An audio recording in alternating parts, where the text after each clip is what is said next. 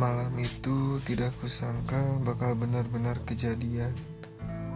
Kamu teman wanita yang lama tak jumpa, sekarang tepat ada di depan mata.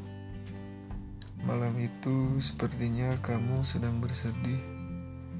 Tatapan matamu kosong, air matamu pun mengalir. Apakah kamu baik-baik saja? Tanyaku. Dan kamu pun menjawab, "Ya, seperti yang kamu lihat, fisikku baik-baik saja, tapi tidak dengan pikiran dan perasaanku."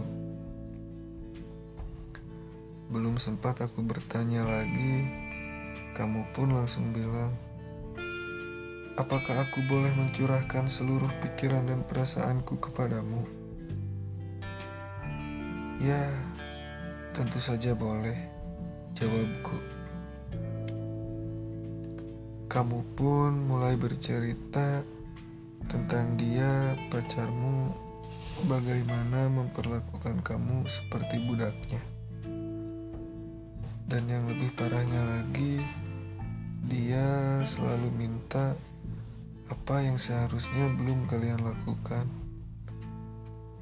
Penyesalan pun terus menghantui dan terus berputar di pikiranmu.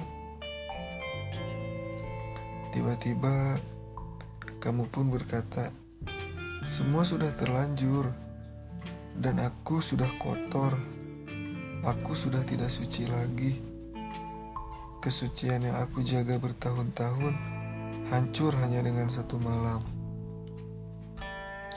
Aku pun bingung dan tercengang mendengar kamu bilang gitu.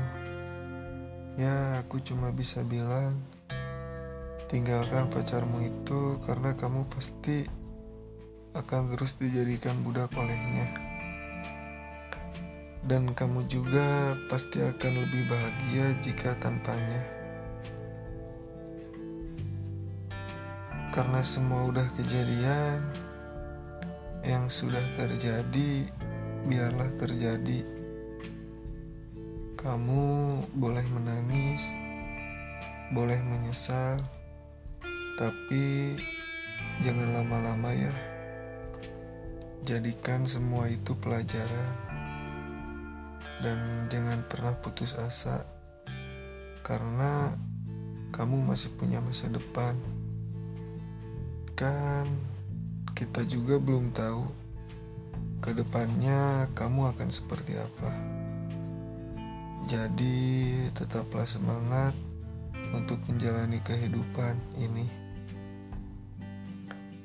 Dan satu lagi, pasti ada lelaki selain dia yang benar-benar tulus menyayangi kamu tanpa memandang apa-apa dari kamu.